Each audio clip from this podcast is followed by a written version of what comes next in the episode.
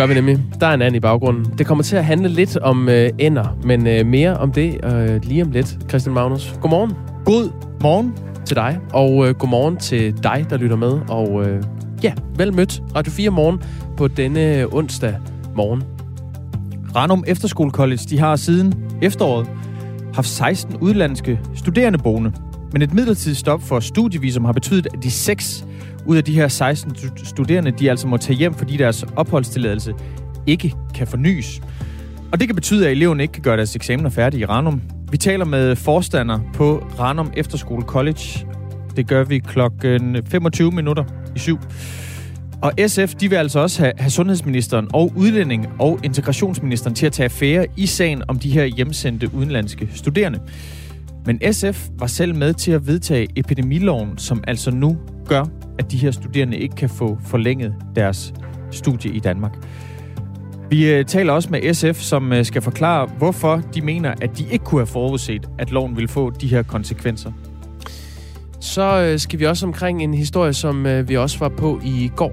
Altså, jeg har taget mig selv lige nogle gange øh, på vej hjem øh, og tage mine nøgler altså, mellem fingrene og så ned i lommen. Fordi jeg ved, at hvis der, hvis der kom nogen og overfalder mig, jeg vil ikke bare blive lammet af frygt, jeg vil reagere. Og så vil jeg være klar. Det er Cecilie Jacobsen, du hørte her. Hun fortæller, hvilke forholdsregler hun tager, når hun går øh, alene ud om aftenen eller om natten, og det er mørkt. Det er nøgler mellem fingrene, det er hårspray i tasken, øh, kæreste eller mor eller en ven eller veninde i røret. Øh, det her det er jo en diskussion, der er blusset op efter mordet på den 33-årige Sarah Everett i øh, London her i begyndelsen af måneden. Øh, og den debat er også kommet til Danmark. Øh, kan det være rigtigt, at kvinder skal føle sig utrygge på vej hjem fra byen? Vores reporter har været på gaden i Aarhus og talt med øh, kvinder og mænd om øh, den her øh, øh, historie. Og så kommer vi også til senere på morgen at tage diskussionen med Enhedslisten og Venstre. Og så er hollænderne utilfredse med håndteringen af coronavirus og en skandale, hvor 10.000 familier fejlagtigt blev anklaget for svindel med børnepenge.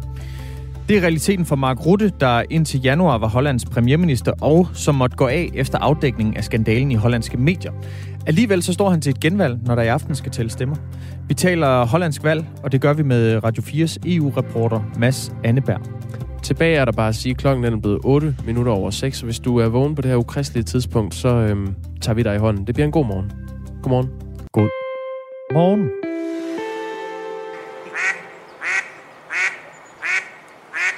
Foråret er så småt kommet i gang, og hvis, øh, hvis det, du lige hørte, det virkede genkendeligt, så er det jo fordi, at øh, enhver øh, med lidt kendskab til natur og måske jagt vil vide, at det her det er lyden af en dansk gråhand.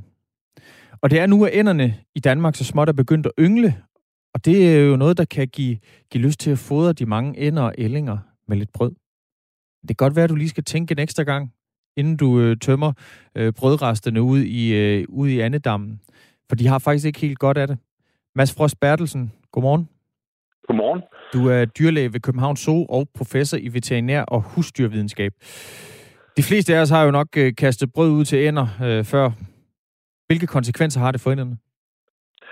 Ja, man kan synes jo udenbart, at man gør en god ting for ænderne, men det er ikke altid, det, det er så enkelt, fordi øh, det, der jo sker, det er, at ænderne samler sig i større mængder, end der ellers vil, og man får tilføjet ført en masse næring til sådan måske et lille vandhul, og det kan faktisk give problemer, dels fordi de konkurrerer med hinanden, dels fordi de tiltrækker skadedyr, og dels fordi, at man simpelthen får, for, får for meget øh, kvælstof og for mange alger, og virkelig ødelægger miljøet i de her små søer. Du nævner konkurrence.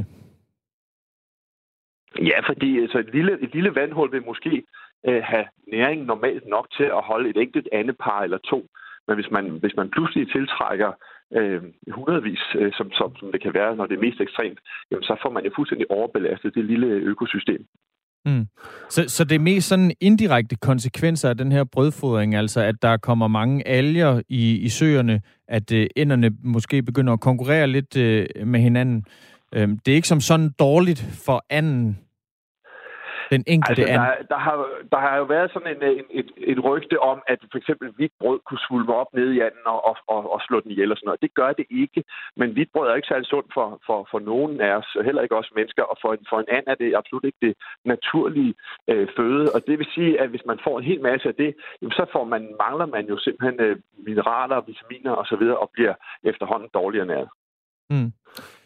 Ifølge Kåre Præs Christensen, som er seniorrådgiver ved det økologiske råd, der kan for mange ender på et sted føre til, og det her det er et citat, at øh, de bliver meget stresset, og det kan også føre til nogle ret voldsomme gruppevoldtægter. Hvad, ja, det, det, ja, hvad er det, det for noget? ser man jo. Altså, jamen, det vil jo sige, hvis der er for mange hanner øh, et sted, øh, og øh, i forhold til hunder, øh, så kan de øh, hanner kaste sig voldsomt over den enkelte hund, der er. Og det kan se, det kan se meget, meget voldsomt ud, og i, i sidste ende kan hun blive presset helt ned under vandet osv. Øh, det er jo selvfølgelig ikke så godt. Og det handler jo øh, lige så meget om ratio mellem han og hunder, men det er klart, at hvis der pludselig er mange, mange dyr, så kan vi se det her. Øh, noget andet er jo, at, hvis, at alt det her ekstra mad, det lokker jo øh, som rotter til. Mm. Og det vil sige, at vi pludselig kan have en situation, hvor endernes æg eller unger bliver taget af, af, af de her skadedyr. Men, men er der ligesom øh, noget, man kan gøre ved det? Altså nu er jeg med på, at man kan selvfølgelig lade være med at fodre enderne med brød, men er der, altså, altså, er der så andet foder, som vil give mere mening at, at kaste i, i andendammen? Altså i sidste ende er det jo ligegyldigt, hvad man smider i i forhold til, i forhold til det her med kvælstoffet og algerne. Der, der vil hver form for, for næring jo være, være ekstra. Men øh, i forhold til ænderne, så vil det være sundere at bruge noget fuglefrø, nogle øh, øh, solsikkerner eller noget i den, i den stil. Og så handler det jo om at, øh, et mådehold, fordi jeg tror, at det kan være en super god måde at vise sine børn eller børnebørn, øh, hvordan naturen hænger sammen og komme helt tæt på dyrene. Og det er en super oplevelse, vi ikke skal smide os for. Men et lille lille stykke brød, et par, et par øh, fuglefrø og så videre, og ikke en hel sæk med bagerbrød. Der har jo, øh, der, der findes jo fortsat altså fugleinfluenza i, i Danmark, og siden øh, 6. november sidste år, der har der altså været krav om, at fjerkræ og andre fugle i, i fangenskab skulle, skulle lukkes ind eller overdækkes for at forhindre smitte. Øhm, udgør det sådan en, en øget smitterisiko af, af fugleinfluenza, når der, når der er mange ender samlet i, i små andedam? Ja, det vil det gøre, fordi øh, det vi oplever med fugleinfluenzaen er jo, at netop især andefugl, som trækker, de, de fører den med sig, og så øh, ser vi, at det breder sig de steder, hvor fugle samles. Og det gør de selvfølgelig naturligt, når vi har haft en kold vinter, som vi har i år. Så vil der være bestemte steder, hvor vandet er åbent, og der vil ligge rigtig mange fugle. Det er derfor, vi især ser den her opblomstring øh, om vinteren. Men hvis man øh, kunstigt tiltrækker mange fugle til et sted, jamen, så vil man have nøjagtigt den samme effekt, hvor de kommer tættere på hinanden og lettere kan smitte hinanden også. Men det vil man jo stadig gøre, hvis det er sådan, at man fodrer med, med fuglefrø. Fuldstændig det er også en kunst... så, så ja. afhjælper det ikke de, de problemer. Det er en lille smule sundere for anden, men grundlæggende så handler det om, at man ikke behøver at gøre det her. Fuglene klarer sig rigtig fint øh, uden det her. Øh, men at hvis man gerne vil, vil have den oplevelse, det er, at de kommer lidt tættere på, så skal man da bare gøre det, men, men i, i, i moderation og med en lille smule mad ad gang. Fodrer du selv øh, ender?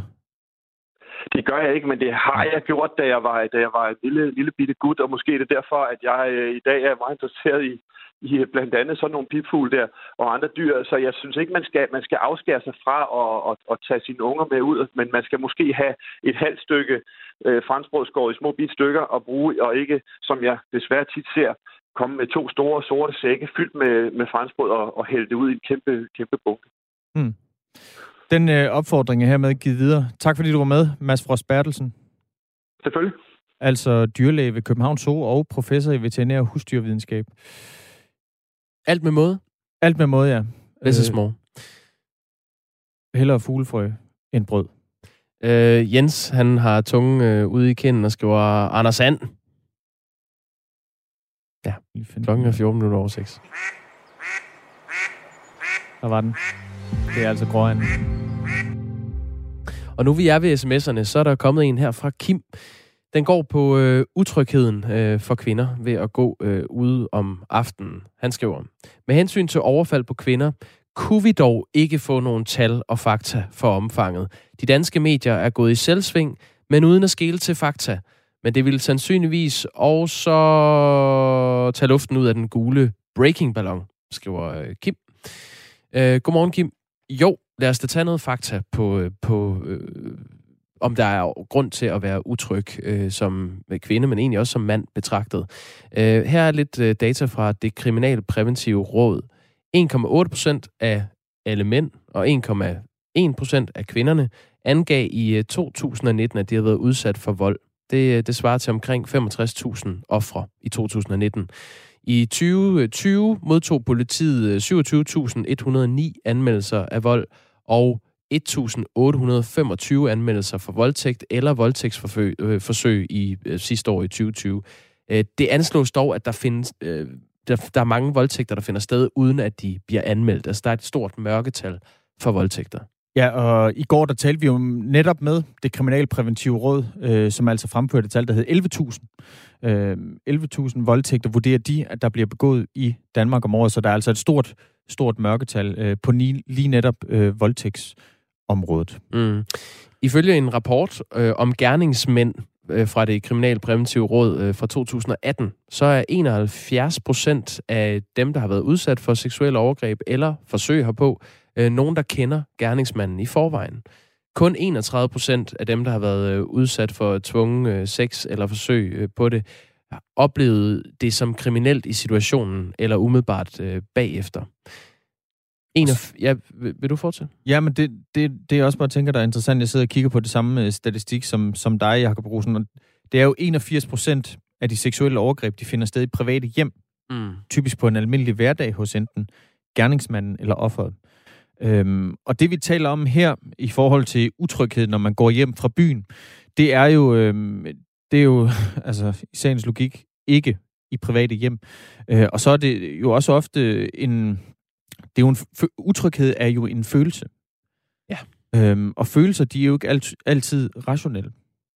Øh, men derfor kan en følelse jo godt være være rigtig. Det er jo op til individet. Jo, og man kan også sige, hvornår er noget rationelt. Altså, fordi noget ikke øh, sker hver dag, så sker det jo stadig. Altså, så øh, ja, det, det er op til, det må man, øh, man må selv tage bestik af den her statistik, vi nu lægger frem. Altså, ifølge Danmarks Statistik var der 488 drabsoffere af begge køn fra 2010 til 2018. Og der var størstedelen mænd, altså af drabsoffrene. 63 procent af dem var mænd. Hvert år i perioden har mændene været i overtal blandt uh, drabsoffrene. Med undtagelse af 2010, der var det 22 kvinder og 20 mænd, der blev dræbt. Det er godt nok noget af en stigning. Ja. Jamen, øhm, Gudi, det er så, så vidt oplyst. Ja, det var, det var fakta på sagen, øh, Kim. Jeg håber, du kan bruge det til noget. Uh, og vi kan lige så godt fortsætte med den historie. Det, det, debatten kommer jo i kølvandet på et mor på en 33-årig britisk kvinde, som uh, hed Sarah Everett. Øh, den har sat debat øh, i gang i Storbritannien, men den debat er også kommet til Danmark. Øh, for hvorfor skal kvinder føle sig utrygge ved at gå alene om aftenen eller om natten, øh, er der mange, øh, der stiller sig det spørgsmål. Især britterne, efter livet af Sarah Everett, altså blev fundet i en skov 80 km fra London, hvor hun øh, sidst blev set. Og det var efter et besøg hos en veninde, hvor hun forsvandt på vej hjem. Nu en øh, 48-årig politimand tiltalt for kidnapning og mor. Sagen gør indtryk i Danmark. Øh, politiets årlige tryghedsundersøgelse viser, at 15 procent af kvinderne frygter at blive udsat for kriminalitet på gaden. Vi har haft en reporter på gågaden i Aarhus for at spørge kvinderne selv, hvad de oplever, og ikke mindst, øh, hvad man mener, at der kan gøres for at skabe en større tryghed på det her område. Det, jeg, jeg, jeg gør meget, det er jo også, at nu, når jeg går hjem her fra min veninde af, så sørger jeg for, at jeg skriver, når jeg kommer hjem, og jeg, øh, hvis jeg går ned ad gaden, og der er nogen, der går imod mig, så sørger jeg for at gå ud på vejen, i stedet for at gå ind mod væggen, fordi hvad nu, hvis man bliver fanget derinde, og jeg sørger faktisk også for sådan at, at sidder min taske ordentligt fast, at min, ja, min lommer lukket, sådan, hvis jeg nu skulle løbe, eller, og jamen, ved folk, hvor jeg er henne, ved folk, hvor jeg går henne. Og, og så er jeg også opmærksom på sådan, at øh, hvis jeg, jeg ranker mig lidt mere op og går lidt mere sådan maskulin, fordi at tage hue på, så jeg ikke sådan, så man ikke sådan kan se mit hår og sådan noget. Sådan, jeg sørger for at bare virke så troende, som næsten er stor og troende, som jeg kan være, når jeg går ned øh, og, og holde afstand mellem folk. Øh, ja. Altså, jeg tror meget, det kommer sådan lidt sådan helt fra barnsben af, at man altid har hørt det der. Du må ikke snakke med fremmede. Du pas på, når du går i mørke. Altså, man har sådan fået det igennem, du sidder sådan altid, aldrig gå alene nogen steder hen, har man også fået at vide igennem skolen. Særligt som kvinde føler jeg, at jeg har fået det at vide sådan. Altid gået sammen, to og to. Og har du selv prøvet, haft en eller anden konkret episode, som gør, at du, du er utryg? Ja, på et tidspunkt en gang i en bus sent om aftenen, var der en, der øh, ikke rigtig forstod, at han skulle gå væk fra mig. Øh, men ellers så nej, ikke rigtigt. Altså, hvad, hvad gjorde dig bange der? Øh, jamen, han var fuld, og jeg var ikke særlig gammel på det andet tidspunkt. Så bare det var utrygt for mig. Og så, øh, jeg boede ude på landet og skulle stå af et meget mørkt sted. Altså bare den tanke om, hvis jeg så er her, og han falder efter mig, hvad så? Hvad sker der så?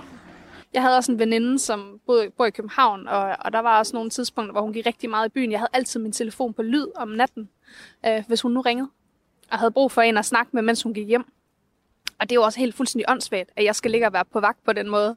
Øh, men det gør man jo bare. Tager du nogle, nogle forholdsregler?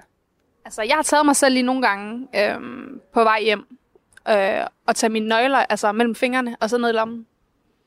Fordi jeg ved, at hvis der, vil, hvis der kom nogen og overfalder mig, jeg vil ikke bare øh, blive lammet af frygt, jeg vil reagere. Og så vil jeg være klar. Der er flere kvinder end øh, mænd, der øh, føler sig utrygge på det her område. Den øh, årlige tryghedsundersøgelse øh, viser typisk, at omkring 10 procent af de adspurgte mænd frygter at blive udsat for kriminalitet, mens det er omkring 15 procent for kvinder. Jeg vil sige, før i tiden, der havde jeg ikke, altså, det tænkte jeg ikke så meget over.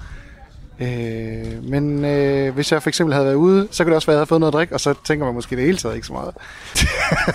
Tager du, tager du nogle forholdsregler, for eksempel for at kunne forsvare dig selv, hvis det er, at der skulle komme en? Nej, altså jeg vil sige, altså, det gør der jo ikke. Altså, i bund og grund, så er, er vi en del af verden, hvor vi alle sammen har det så godt, så der er stort set ikke nogen motivation er til at være kriminel eller gøre noget åndssvagt. Altså jo, når man er ung og dum måske, men det fylder ikke ret meget. Det har det egentlig okay med. Selvfølgelig kan man da godt være en lille smule nervøs, men øh, generelt så har det en sådan okay fint med det. Hvad kan du være nervøs for? Det er selvfølgelig, hvis man ser en, eller anden, en, lidt større menneskeflok øh, komme gående, sådan en rolig menneskeflok, eller nogen, der sådan, du ved, er det lidt provokerende, eller andet, i den stil der. Men ellers så har jeg ikke de, de store problemer med det. Altså det er jo klart, at der, der er en, en helt naturlig forskel øh, fra, at når det, når det er lyst. Øh, så altså, jeg føler mig da mere udsat, øh, når det er mørkt. Og, og det er klart, at altså, man bliver også mere opmærksom på de ting, der sker omkring en. Øh, jeg har snakket rigtig meget med min kæreste om det, øh, hvor hun siger, at, altså, at hun, er, hun er virkelig opmærksom på det, når for eksempel, når, som du siger, når hun skal hjem fra byen af. Øh, og, og hun har nogle helt, nogle helt bestemte forholdsregler, som hun er ligesom nødt til at tage sig, øh, som hun desværre er nødt til at tage sig. Og, og, og, det, og det synes jeg er synd. Men, men det, er ikke, det er ikke noget, jeg på samme måde mærker. Øh, Hvordan, tror, hvordan kan det være, at der, det, øh, det er så forskelligt for, hvordan du oplever det, og hvordan din kæreste oplever det? altså, der, der er, jeg tror, der ligger noget helt naturligt. Øh, altså i, i den kønsforskel. Øh, om det er noget, der bør være der eller ej. Fordi det, det bør det jo ikke. Det bør jo ikke være... Kvinder bør jo ikke føle sig udsat. Altså, øh, men, men, men jeg tror, jeg tror helt bestemt, at der er noget med, at det ligesom, altså fra noget, noget urmenneskeligt i os, ikke? Øh, som, som stadig ligger meget, meget dybt. Det kriminalpræventive råd oplyser til os her på Radio 4, at mellem 1 og 3 procent af den danske befolkning bliver udsat for vold.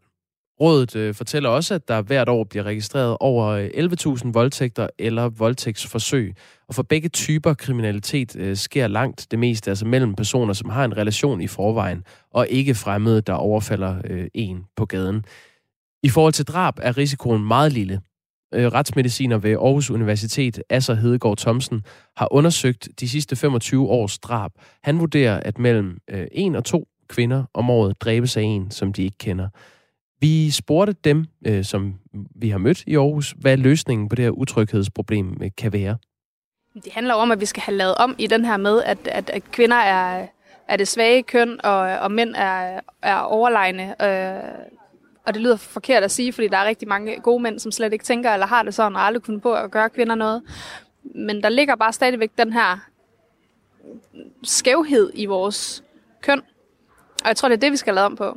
Altså, mændene skal lige så meget ringe og sige, når de er hjemme, som pigerne skal. Øh, Vil politikerne på Christiansborg kunne gøre noget ved det her, tror du?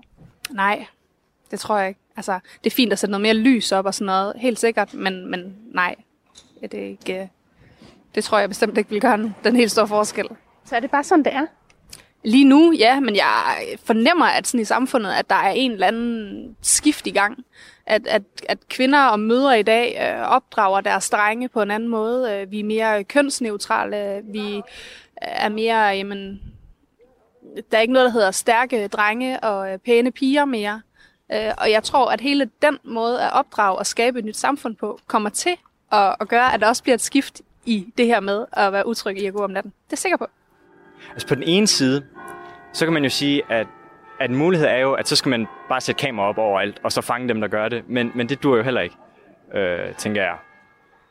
Fordi sådan et, sådan et samfund har vi ikke, heller ikke lyst, lyst til at leve i. Øh, altså jeg tror, vejen frem i alle sådan nogle situationer, det er en åben dialog om det, så politikerne også bliver opmærksom på, at det for nogen er det et reelt problem.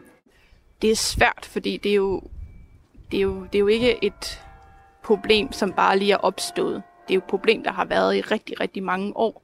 Og øh, ja, rigtig, altså, der har jo været altid. Øh, og nu er det jo fordi, vi er begyndt at blive lidt trætte af det, og folk er begyndt at blive opmærksom på det, og har fået at vide, at det faktisk er et problem. Øh, så på den måde, så, så tror jeg ikke, at der er noget, de decideret kan gøre sådan lige nu og her. Det må jeg faktisk sige, det ved jeg ikke helt. Altså, jeg ved ikke, om vi skal have mere fokus sådan samfundssind på, at det er altså et problem, at mange er utrygt for at gå hjem. Selvom det måske godt kan virke lidt fjollet, fordi hvor, hvor ofte sker det. Men bare én gang er jo nok, til man tænker, åh oh, nej, det her det skal jeg ikke gøre. Det var vores reporter Maiken Fri Lange, der havde talt med Cecilie Jakobsen, Natasha Rasmussen, Sara Henriksen, Jonas øh, Germør, André Petersen, Rasmus Mathisen og Victor Åge Lundsgaard. Det var altså øh, de venlige mennesker, som stillede op, da Maiken Fri Lange var på gaden i går. Øh, vi kommer til at øh, tage en politisk debat øh, på det her, øh, den her historie med retsordførende fra Enhedslisten og Venstre. Det er henholdsvis Rosa Lund og Preben Bang Henriksen øhm, hvad det er, man debatterer fra, fra politisk hold lige nu i forhold til at kunne øge trygheden. I Storbritannien har man afsat et større millionbeløb til at skabe mere trygge rammer, mere gadebelysning osv. Øhm, hvad skal man gøre i Danmark om noget på det her område? Det er først efter nyhederne klokken øh, 8, det bliver 5 minutter over 8, øh, sådan cirka. Så er du øh, vareskoet, hvis du skal hænge på så længe. Og på sms'en 1424, der kan man som altid skrive ind, hvis man starter sin besked med R 4. Det har Paul gjort. Han skriver, etniske mænd er stærkt overrepræsenteret, også i voldtægtsstatistikkerne. Hvorfor nævner I ikke det? Jeg tror, etniske mænd, altså det må være folk med anden etnisk herkomst end dansk, øh, går ud fra, at du mener, Paul. Du må sige til, hvis det ikke er det, du mener. Øhm, og der er noget statistik her fra Kvinfo, øh, hvor der blandt andet øh, står, at der er en overhyppighed af indvandrere fra ikke-vestlige lande blandt dem, der bliver dømt for voldtægt.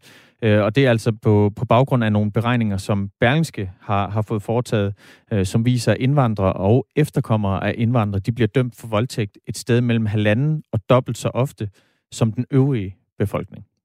Ja, øh, der står videre inde på, øh, på Kvinfo, det her det er fra 2019, men at den mest omfattende undersøgelse af dømte gerningsmænd til voldtægt i Danmark, øh, som også beskæftiger sig med etnicitet, det er en rapport fra 2015. Og den undersøgelse omfatter alle, der er dømt for voldtægt fra 2010 til 2015.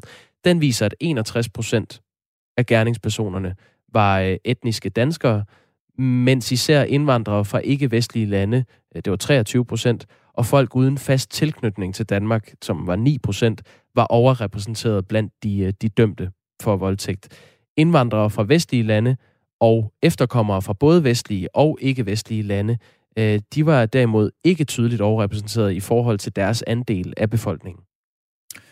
Øhm, om et minut, der er der nyheder med Signe Ribergaard Rasmussen. Efter nyhederne, der skal vi tale om øh, Ranum Efterskole College, for de har siden efteråret haft 16 udenlandske studerende boende. Men et midlertidigt stop for studievisum har betydet, at seks af de studerende de altså må tage hjem, fordi deres opholdstilladelse den kan ikke fornyes. Og det kan den ikke på grund af nogle ændringer, der er blevet foretaget i epidemiloven. Øhm, vi taler både med øh, forstanderen på Ranum Efterskole College, og så taler vi også med SF, som altså stemte for de her ændringer til epidemiloven, men som også er rigtig kede af de konsekvenser, den lov, som de stemte for, har haft. Ja, de vil have sundhedsministeren og udlænding- og integrationsministeren til at tage affære i den her sag, øh, selvom de har været med til at vedtage epidemiloven selv. Øhm, det er en historie, du kan se frem til på den anden side af nyhederne. Lige nu er klokken blevet halv syv. Signe Ribergaard Rasmussen står klar.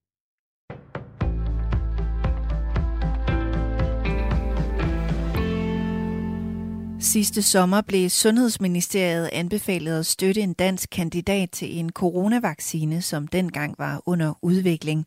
Alligevel valgte den ikke at gøre det, skriver Information. Anbefalingen kom fra Lægemiddelstyrelsen efter, at den fik indsigt i lovende startresultater fra Bavarian Nordic. I dag bliver den pågældende vaccine testet på mennesker og er væsentligt tættere på at kunne tages i brug. Nu viser det sig, at forskerne bag præsenterede vaccinen for Lægemiddelstyrelsen i juli sidste år. Her kunne de fremlægge resultater, der pegede på en vaccine med en stærk antistofrespons, som var hurtigere og mere langvarig end andre kandidater på markedet. Men på trods af anbefalingen, så valgte Sundhedsministeriet ikke at støtte den, og det har fået kritik fra flere sider. Heriblandt videnskabsanalysevirksomheden Airfinity, der monitorerer coronaudviklingen. Man burde fra starten have taget vaccineudviklingen lige så alvorligt som lockdown og investeret hurtigt, siger direktør Rasmus Bæk Hansen til Information. De mange coronadødsfald blandt plejehjemsbeboere skal nu undersøges. Det er et flertal i Folketinget blevet enige om, skriver DR. Henrik Møring fortæller. Under epidemien har regeringen haft som mål at holde smitten ude fra plejehjem for at beskytte beboerne mod et alvorligt forløb med coronavirus. Det er ikke lykkedes. 923 plejehjemsbeboere er ifølge Statens Serum Institut døde af eller med coronavirus. Det svarer til 39 procent af alle danske covid-19 dødsfald. Samtidig har 400 ud af landets godt 900 plejehjem haft mindst et tilfælde af coronavirus.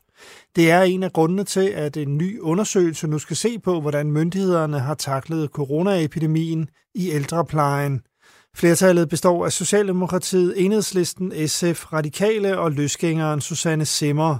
Initiativet til undersøgelsen kommer efter, at flere medier har afdækket myndighedernes problemer med at beskytte landets plejehjemsbeboere mod coronavirus.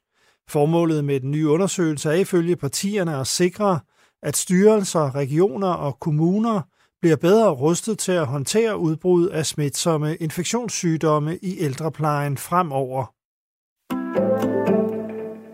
Naturstyrelsen handlede for langsomt på udsultet kvæg.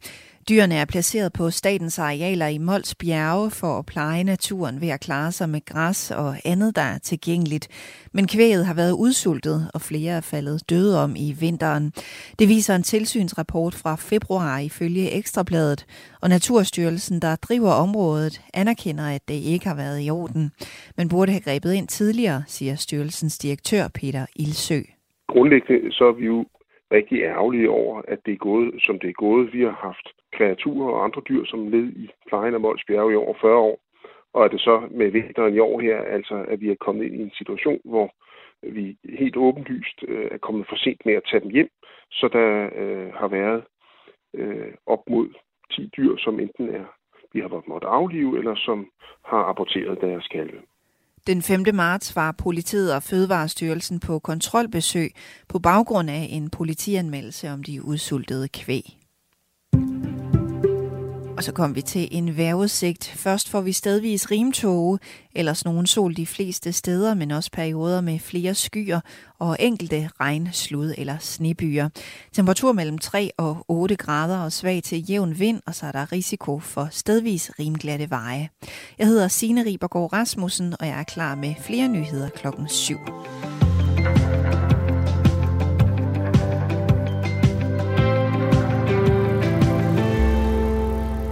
Godmorgen og vel mødt. Tak fordi du øh, lytter til Radio 4 morgen. I dag med øh, Christian Magnus Damsgaard Jensen og Jakob Grosen. Og øhm, ja, pas på, hvis du skal ud og køre øh, stedvis rimglatte veje her til morgen. Øhm, hold øje med det. Yes. Jamen, øhm, jeg vil egentlig godt lige flyve forbi noget, som blev vedtaget i Folketinget i går. Vi vidste, det ville ske, men nu er det sket. Åh, oh, hvad kan det være? Hvad kan det være? Et, øh, ja, hvad kan det være? Øhm, feriepenge? Det er nemlig feriepenge. Ej. Et, øh, et bredt flertal i, i Folketinget har stemt et lovforslag igennem, som betyder, at man i slutningen af marts øh, vil kunne få udbetalt øh, de sidste to uger af de indfrosne feriepenge. Øhm, og det, altså, det er ikke så overraskende. Tilbage i december, der indgik øh, regeringen sammen med Venstre, SF, de radikale og enhedslisten, konservative og alternativet, der indgik de en aftale om, at, øh, at de her penge, de altså skulle udbetales. Nu har man så bare stemt det igennem.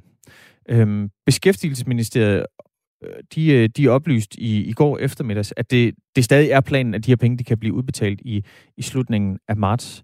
Øhm, og vi har jo allerede fået, fået tre ugers indefrostende feriepenge udbetalt. Øhm, de skulle egentlig have været indefrosset som, altså som følge af den nye ferielov, som er blevet vedtaget, men på grund af, du ved, coronakrisen, vi skal have sat gang i julene, mm. så har man altså besluttet sig for at udbetale dem. Og øh, det løfte, det har man altså fuldt op på. Til dem, der vil have det. Til dem, der vil have det. Skal vi lige uh, skynde os at sige. Det er. Det, det, jeg har øh, gået og ventet lidt på i forhold til, til det der med feriepengene de sidste to uger, det har været, øh, det har været tidshorisonten. At, mm-hmm. har, det, har det hele tiden ligget fast, at det var her i slutningen af marts? Eller er det ikke, er det ikke nyt? Det har hele tiden været hensigten. Mm. Og i går så bekræftede Beskæftigelsesministeriet så, at den hensigt, den regner man med bliver en realitet.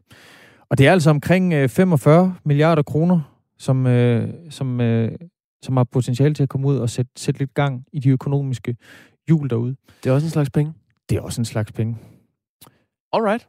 Så vidt opdateret på Jamen, øh, feriepengesituationen. Tak for det. Nyt for Folketinget. Kom der.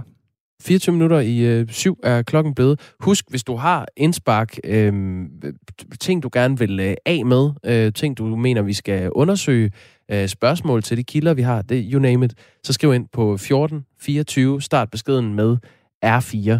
Øh, vi har fået en øh, uh, sms her, den går på uh, utrygheden for uh, kvinder, eller den oplevede utryghed, uh, som mange kvinder uh, fortæller, at, at de oplever, når de går om aften på åben gade.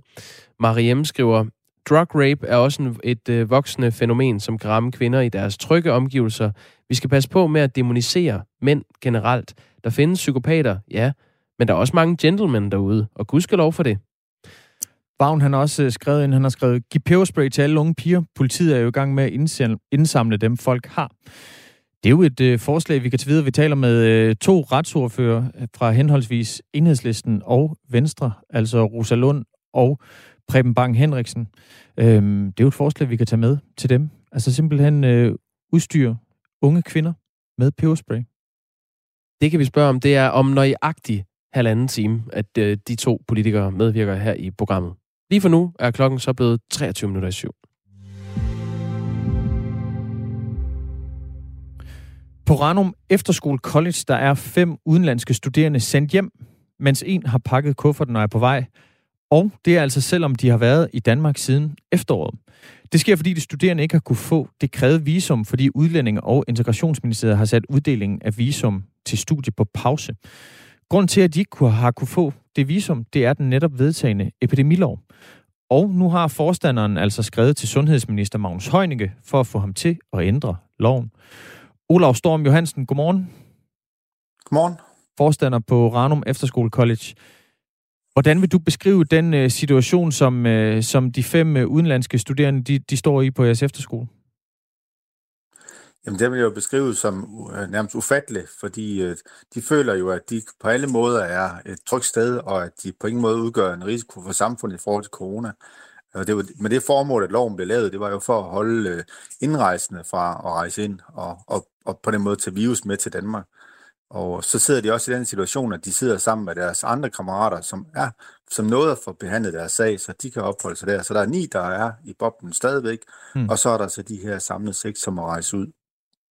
Jeres skole har altså, har altså haft 16 udenlandske elever, og de her elever, de er i Danmark på et turistvisum, som altså nu skulle fornyes og erstattes med et studievisum.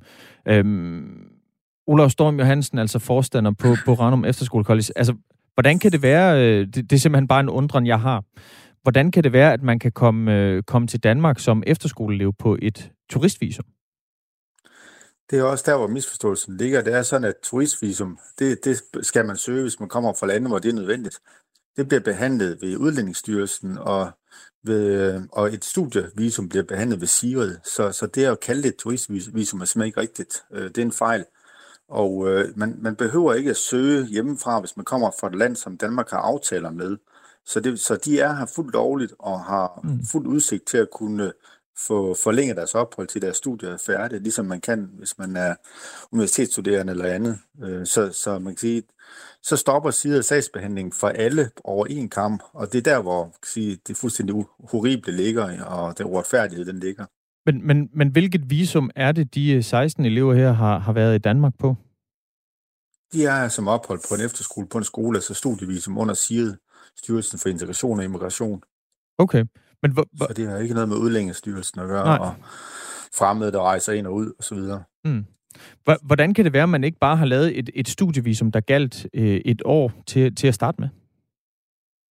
Det er fordi det her, det er en boble, hvor unge mennesker kommer til Ranum Østskole, fordi vi har sådan et interkulturelt forløb, hvor vi så tager unge mennesker ind og, og, og blander op med vores danske kultur, så vi får verden ind i Ranum, og tilsvarende rejser vi jo også ud faktisk op til 28 dage i løbet af skoleåret, for vi besøger andre unge mennesker rundt omkring i verden, ikke? så vi også kommer ud i verden. Og, og det samspil har vi jo ikke rigtig kunne gøre så meget her under corona, så vi besluttede her i efteråret at oprette en boble, for unge mennesker, som gerne vil tage deres afgangsprøver på deres hjemlige skoler, så har de været på efterskoleophold hos os, og så har de haft noget online-undervisning på deres hjemme, hjemmeskole, så de kunne afslutte deres prøver. Men, men det, mit spørgsmål var egentlig bare, hvorfor man ikke bare fra starten af lavede altså, øh, studievisumansøgninger til de her 16 elever, sådan så de kunne blive skoleåret ud.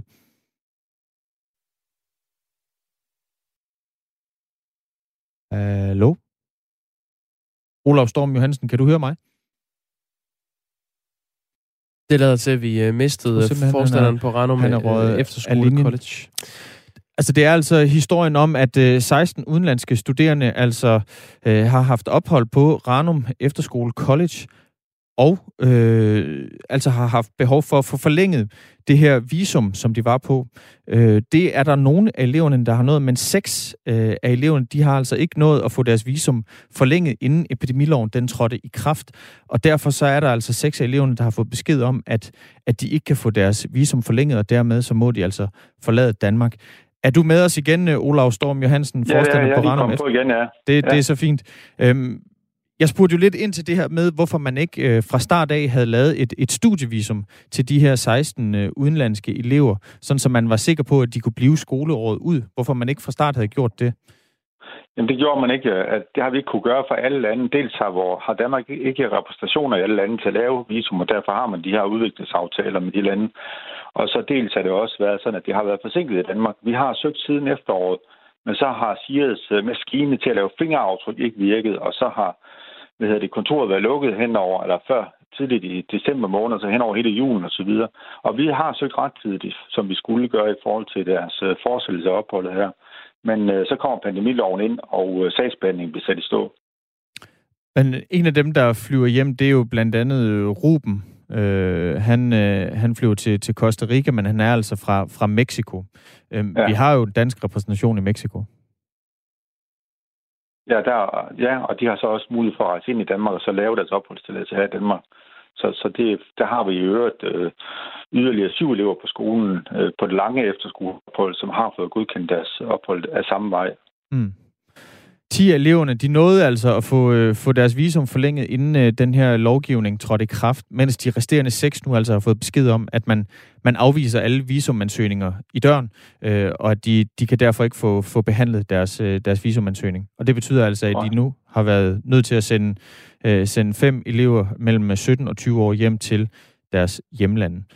Øhm, du har nu skrevet til, til sundhedsminister Magnus Heunicke, og du håber, at han kan, ja, han kan lave loven om.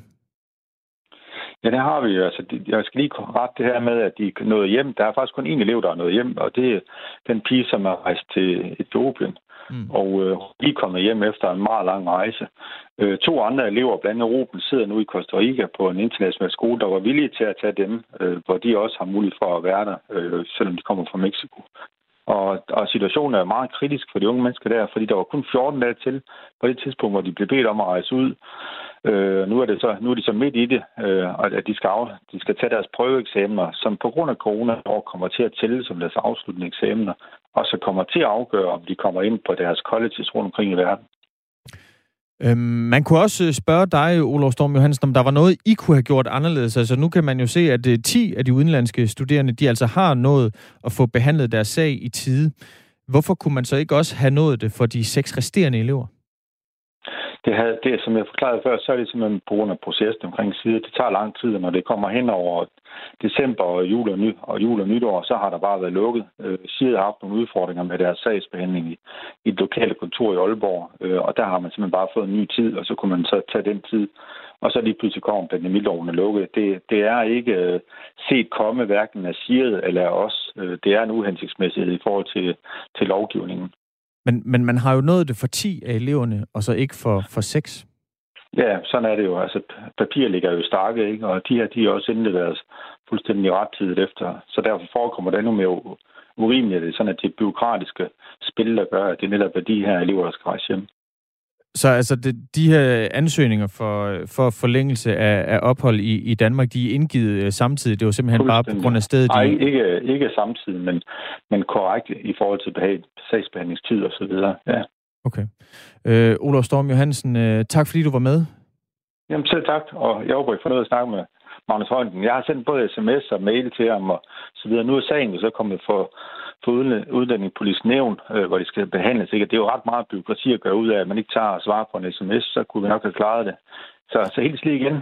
Ja, jeg, jeg må simpelthen også lige varedeklarere, det, det er ikke Magnus Heunicke, vi skal til at snakke med nu. Det, det er SF. Ja, øh, okay. vi kan sige, at vi ja. har spurgt både sundhedsminister Magnus Heunicke og udlænding- og integrationsminister Mathias Tesfaye om den her øh, situation. Og øh, Tesfaye skriver et skriftligt svar, altså udlænding- og integrationsminister for Socialdemokratiet. Jeg citerer. Jeg har stor forståelse for, at det midlertidige stop kan skabe udfordringer. Jeg følger situationen tæt og er indstillet på, at vi hurtigst muligt åbner op for meddelelsen af opholdstilladelser, når situationen tillader det. Det er altså ordene fra ministeren. Yes. Hvad siger Godt, du til det? Jamen, så hilser Jacob Mark. Nej, vi skal ikke tale med Jacob Mark. Hvad, hvad siger du til det svar fra Mathias Desveje? Jamen, jeg synes, det er et fint svar. Det er jo lidt politisk i den forstand, at man ikke handler på det, der er problemet, men at man i stedet for lover, at når situationen tillader det, så kan man lukke op igen. Konsekvensen her er jo, kan man sige, en skæbne for seks unge mennesker, som, som øh, bestemt er problematisk for dem og deres fremtid. Ikke? Vi har fået, øvrigt fået et, svar, et brev fra Rubens, som du lige nævnte før, farfar, som har arbejdet med menneskerettigheder. Han har lavet et, et to og et halvt siders brev på spansk, hvor han anklager Danmark for, for brud på menneskerettighederne, fordi at de har sendt hans barn og barn ud af Danmark uberettet i forhold til, at man ikke kan lave lovgivning, der bare stopper en eksisterende øh, godkendelsesproces, som øvrigt har været gældende i rigtig, rigtig mange år. Så, så det, det har altså afstedkommet nogle bølger. Ikke? Så ved jeg ikke, hvor meget de skriver om det i Mexico, men, men lige pludselig kan det jo tage fart, fordi vi ikke tænker os om, når vi laver lovgivning, og ikke handler på, når vi får en advarsel om, at der er noget galt i loven. Ikke? Altså, det, havde, det havde været nemt at tage telefonen eller, eller svare på en sms eller på en mail fra sundhedsministeren og så sige, at det her det var ikke hensigten. Vi skal selvfølgelig genoptage sagsbehandlingen for de her unge mennesker, hvor de som helt utilsigtet bliver ramt af den her indrejse problematik. Vi tager din øh, kritik videre. I hvert fald tak, Olof Storm Johansen. Det lyder godt. Ha' en god dag til alle sammen. Lige over. Forstander på Ranum Efterskole College. Og nu kan vi altså sige godmorgen til hverken sundhedsminister Magnus Heunicke eller Jakob Mark, men Teresa Berg Andersen, som er folketingsmedlem for SF. Godmorgen. Lige nøjagtigt. Godmorgen. Ja, der var du. Uh, Teresa Berg Andersen, I har i SF øh, stillet spørgsmål både til Heunicke og til Mathias Tesfaye, altså sundhedsminister og udlænding- og integrationsminister, om de her unge studerende, der, øh, der nu sendes hjem. Hvad er det, I vil have ministerne til at gøre? Jamen, øh, det er ganske klart, at vi vil have ministeren til at ændre den beslutning, der er truffet. Vi mener, at man i det her tilfælde har tolket loven for stram, og derfor så skal den her, øh, den her beslutning eller den her tolkning laves om, så de unge mennesker kan få lov til at blive på deres skole. Ja, øh, det er lidt for sent jo, øh, kunne vi lige høre. Nogle af dem, øh, den ene sidder øh, nu tilbage i Etiopien, og der er også en, der sidder i, øh, i Costa Rica. Øh, hvad skal der ske med dem? Øh, ja, det er lidt for sent, men sådan nogle problemer, som opstår her, de skal også komme os for øre. Jeg har selv kontaktet Ranum Efterskole, efter at have hørt dem i tv, øh, så vi skal ligesom lige øh, gøre os bekendt med, at der er noget, der fejler. Øh, derfor så må vi bare tage hånd om det ret så hurtigt, og så snart det kan lade sig give sig. Øh, ja, vi kunne jo høre over, og Olav, der her siger, at de her unge mennesker, de, øh, øh, de kan ramme sig det her og deres videre uddannelsesmuligheder, så, øh, så vi, bliver nødt til at, vi bliver nødt til at gribe fat om det og øh, få de her unge mennesker tilbage på deres efterskole. Jeg kommer lige med lidt fakta om sagen, øh, Teresa Berg øh, Andersen, altså folketingsmedlem for, for SF. Den 3. februar udsendte Udlændinge- og Integrationsministeriet en øh, bekendtgørelse, hvor de offentliggjorde, at øh, de midlertidigt ikke ville uddele opholdstilladelse efter studie- og praktikant- og pærordningen. Og det skete for at undgå spredningen af nye øh, virusvarianter, og med baggrund i epidemilovens paragraf 12d, hvor der står... Sundheds- og ældreministeren kan fastsætte regler om fravigelse af betingelser fastsat i anden lovgivning. Fravigelse er, på, øh, er påkrævet som følge af tiltag til at forebygge eller inddæmme udbredelsen af en almen farlig sygdom her i landet, og de pågældende forpligtelser og rettigheder i den sammenhæng må anses for at være af mere underordnet betydning. Citat slut. Synes du, at fejlen er, at øh, Udlændinge- og Integrationsministeriet udsendte den bekendtgørelse? Eller er det, at øh, epidemiloven overhovedet giver mulighed for, at man kan gøre sådan? Jeg tror først, jeg vil sige, at epidemiloven er jo lavet øh, med en anden hensigt. Og det, jeg hører, du læser op der, det er, at sundhedsministeren kan fravige, når det er sådan, man tænker, at der ikke er noget. Det mener jeg ikke er sket i det her tilfælde. Vi ved, at der er en gruppe mennesker, der har været voldsomt isoleret i Ranum, mens andre øh, elever er blevet sendt hjem fra deres efterskole. Så har de været isoleret, så jeg mener, der er mulighed for her at kunne fravige. Men det har man ikke gjort, og det er det, jeg mener med at sige, jamen her er der noget tolkningsmæssigt, som jeg synes, der er fuldstændig galt. Ja, altså fravigelse er påkrævet som følge af tiltag til at forebygge eller inddæmme udbredelsen af en almen farlig sygdom her i landet, øh, står der. Mm. Altså, du mener simpelthen, at det her det er en forkert tolkning. Det er ikke epidemiloven, der er et problem, det er tolkningen af den. Ja, det tror jeg, det er. Eller det vil jeg mene, det er. Men vi, vi sætter de her unge mennesker, de har været i isolation. Det er jo ikke nogen, vi hiver ind lige nu. Det er simpelthen nogen, der har været på skolen i en længere periode og har fulgt de regler. Så det giver jo ingen mening, at de skal sendes ud af landet. I har jo stemt for øh, epidemiloven i, øh, i SF. Mener du, at I også har et ansvar for, at der er en, øh, en fortolkningsmulighed i den her øh, paragraf, altså paragraf 12d i epidemiloven, som kan bruges på den måde, som den bliver brugt nu? Den epidemilov vil jeg også stemme øh, øh klart ja til i dag. Men når det er sagt, så er vi også politikere, der er sat i verden for at øh, ændre der, hvor vi mener, at, at tolkningen bliver forkert. Og det mener vi i det her tilfælde, så derfor så mener jeg også, at vi skal gå ind og udfordre den her. Men vi har jo ikke uendelig tid at rende på. Så derfor har vi jo så også sendt de her spørgsmål afsted som en haster. Så det betyder, at i stedet for fire uger, hvor ministeren skal svare, så har han altså kun en uge nu. Så jeg håber, at vi kommer ud med det bedste resultat. Og det er jo det, det har jo været et vilkår under den her pandemi, at øh, tingene skulle haste. Og det skulle epidemiloven jo også, da den skulle vedtages. Øh, der har været kritik af, at den blev hastet igennem og vedtaget for hurtigt. Er det her et eksempel på, at man har, øh, man har vedtaget en lov for hurtigt? At man ikke ordentligt har fået noget at diskutere, hvordan den skulle udformes? Vi skal huske, at udgangspunktet med den her epidemilov, det var at bremse den smitte, der kan komme ind i vores land. Og det synes jeg faktisk, vi lykkes ret så godt med, som man kan sige, om den er hastet for meget igennem. Det, ved, det, det, det vil jeg ikke øh, mene, den er. Men, men samtidig skal vi jo være opmærksom på de problemer, der opstår, hvor vi kan se, at loven den, øh, den fejler, og det gør den i det her tilfælde. Vi har fået en øh, uh, sms fra Kenneth Fischer. Han skriver, vi skal til efteråret have besøg af en gruppe indiske studerende i 14 dage, men ingen kan fortælle os, om de må komme eller ej. Vi har brug for at vide, om der bliver åbnet eller ej, så vi kan planlægge efteråret. Få nu lagt nogle langsigtede planer, skriver altså Kenneth Fischer på 1424. Hvad har Kenneth Fischer at gøre med? Nu kan jeg forstå, at der kommer en, øh, en langsigtet plan om, om genåbning den, øh, den, senest den 23. marts. Kommer den også til at indeholde nogle retningslinjer for, hvad, hvad udenlandske studerende kan forvente sig? Det kan vi ønske, den gør. Jeg sidder ikke med i de forhandlinger, som foregår på, øh, i toppen af de forskellige partier det gør dit parti. nu. Det gør mit parti, og jeg tror, øh, ligesom alle andre, så vil vi gerne have en langsigtet plan. Det er svært i en coronatid, hvor tallene, vi følger dem nøje. Vi sidder alle sammen og kigger på vores telefoner klokken to, for at se de tal, der kommer ind. Men jeg ønsker lige så meget som Kenneth Fischer en langsigtet plan, men det skal være sikker. Det skal den. Tak fordi øh, du var med, Therese Berg Andersen. Selv tak. Altså, ja, tak for, at du god morgen. Altså folketingsmedlem for SF. Vi har altså som sagt spurgt både sundhedsminister Magnus Heunicke og udlændinge- og integrationsminister Mathias Tesfaye om den situation her. Øh, og som du også lige øh, læste op tidligere, øh, Jakob Grusen, så har vi fået et skriftligt svar fra Mathias Tesfaye. Han skriver, jeg har stor forståelse for, at det midlertidige stop kan skabe udfordringer. Jeg følger situationen tæt og er indstillet på, at vi hurtigst muligt åbner op for meddelelsen af opholdstilladelser, når situationen tillader det. Citat slut. Spørgsmålet er jo selvfølgelig, hvornår situationen tillader det. Klokken den er 5 minutter i syv. Du lytter til Radio 4 morgen. I dag med Jakob Grosen, Dan Danel og Christian Magnus. Jeg bekræfter.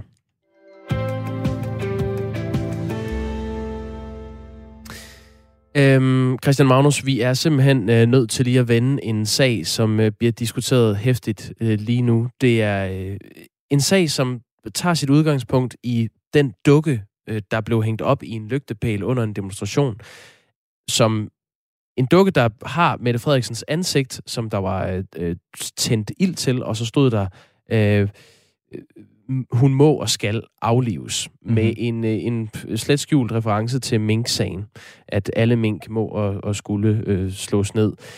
En kvinde er blevet anholdt for at bruge et foto af den her brændende øh, statsministerdukke øh, på Facebook. Altså hun har brugt et, et billede af den brændende dukke i et Facebook-opslag i en gruppe, som øh, hun selv står bag, som hedder Stop Paragraf 113. Øh, paragraf 113 i straffeloven, øh, på Facebook-siden skriver hun selv om den, den kan give alle, som modsætter os og regeringen og prøver at stoppe covid-19-restriktionerne op til 16 års fængsel. Ja, det er altså ikke det, der står i paragrafen, det er det, der står på den Det er det, hun selv skriver om den øh, i Facebook-gruppen, lige præcis. Det, der står i paragrafen, altså paragraf 113 øh, i straffeloven, det er, den, som antaster Folketingets øh, sikkerhed eller frihed, eller i øvrigt foretager nogen handling, der er sigter til ved magtanvendelse eller trussel derom, at aftvinge Folketinget nogen beslutning, eller hindre det i frit at udøve sin virksomhed, straffes med fængsel indtil 16 år, eller under særligt skærpende omstændigheder på livstid. Styk 2. Samme straf kommer til anvendelse på den, der på tilsvarende måde angriber eller øver tvang mod kongen, eller den, der med hjemmel i forfatningen fører regeringen eller mod ministerne, rigsretten eller højesteret. Punktum. Det er, det er teksten i, øh, i den her paragraf 113. Og netop den her paragraf 113, det var jo altså også en, øh, en sag, som øh, i starten af året, nu nævnte du dukken her, det var altså to mænd fra, øh, fra gruppen Men in Black, mm. øh, som, blev, øh, som blev sigtet øh, og øh, varetægtsfængslet. Øh, her der, der øh, inden grundlovsforhøret, der var der lidt spekulation om, hvorvidt de her øh, to mænd, de altså kunne blive varetægtsfængslet netop med udgangspunkt i den her paragraf 113. Det endte retten øh, på Frederiksberg altså med ikke at finde anledning til. I stedet for så blev de to mænd altså øh, varetægtsfængslet på baggrund af øh, to andre paragrafer, men altså ikke den her paragraf 113, som kvinden øh, forsøger at komme af med. Øh, nu sidder jeg her med en øh, artikel fra Bergenske fra, fra slutningen af, af januar, hvor de her to mænd, de altså blev varetægtsfængslet. Øh, nu skal jeg lige se, om jeg kan finde de to paragrafer her. Øh, Dommeren fandt altså ikke anledning for at varetægtsfængsle de her to mænd øh, fra paragraf 113, men i stedet for øh, brud på straffelovens paragraf 115, som handler om forbrydelser mod regeringen, og paragraf 266, som handler om trusler. Mm. Og det var altså under en demonstration den 23. januar, hvor Men in Black, øh, som er en fragmenteret gruppe, øh, hvor der var to af dem, der var med til den demonstration, der stod bag det her, øh, øh, den her dukke og den her demonstration. Øh, det seneste, vi har set i omtalen af øh, den sag, der kører mod dem, det er, at øh, man besluttede i februar, at de skulle have fængslet frem til den 5. marts. Hvad der er sket derefter, det har simpelthen ikke været muligt for os her til morgen at, at finde frem til endnu. Jeg ved, at vores øh, reporter, øh, som sidder herude, de prøver både at ringe til retten øh, på Frederiksberg og Københavns politi for at finde ud af, hvor er de to mænd hen. Og det er jo den sag, som Vivian Anita Alexandro, som hun hedder, står ovenpå. Det er altså den her 29-årige kvinde, som søndag blev øh, arresteret i eget hjem af to civilklædte betjente, som øh, øh, kom ind i, i hjemmet uden at have en rensagningskendelse, fik udleveret den her kvindes mobilcomputer og ville efterfølgende have, at hun fulgte med på politistationen i Aarhus for at afgive forklaring. Hun er altså anholdt for at bruge et foto af den brændende dukke.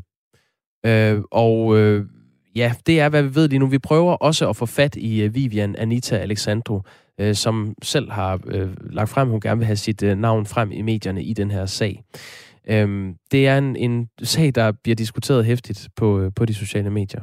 Et, et lille, lidt løjerligt nedlæg øh, til den her historie, det var, at øh, Vivian Alexandro her tilbage i oktober var i medierne i TV2 Østjylland for at tale mod mundbindsnægtere. Altså hun var simpelthen pro-mundbind på det tidspunkt. Vi kommer til at følge op på sagen. Ja, klokken den er, den er blevet syv her på Radio 4. Der er nyheder.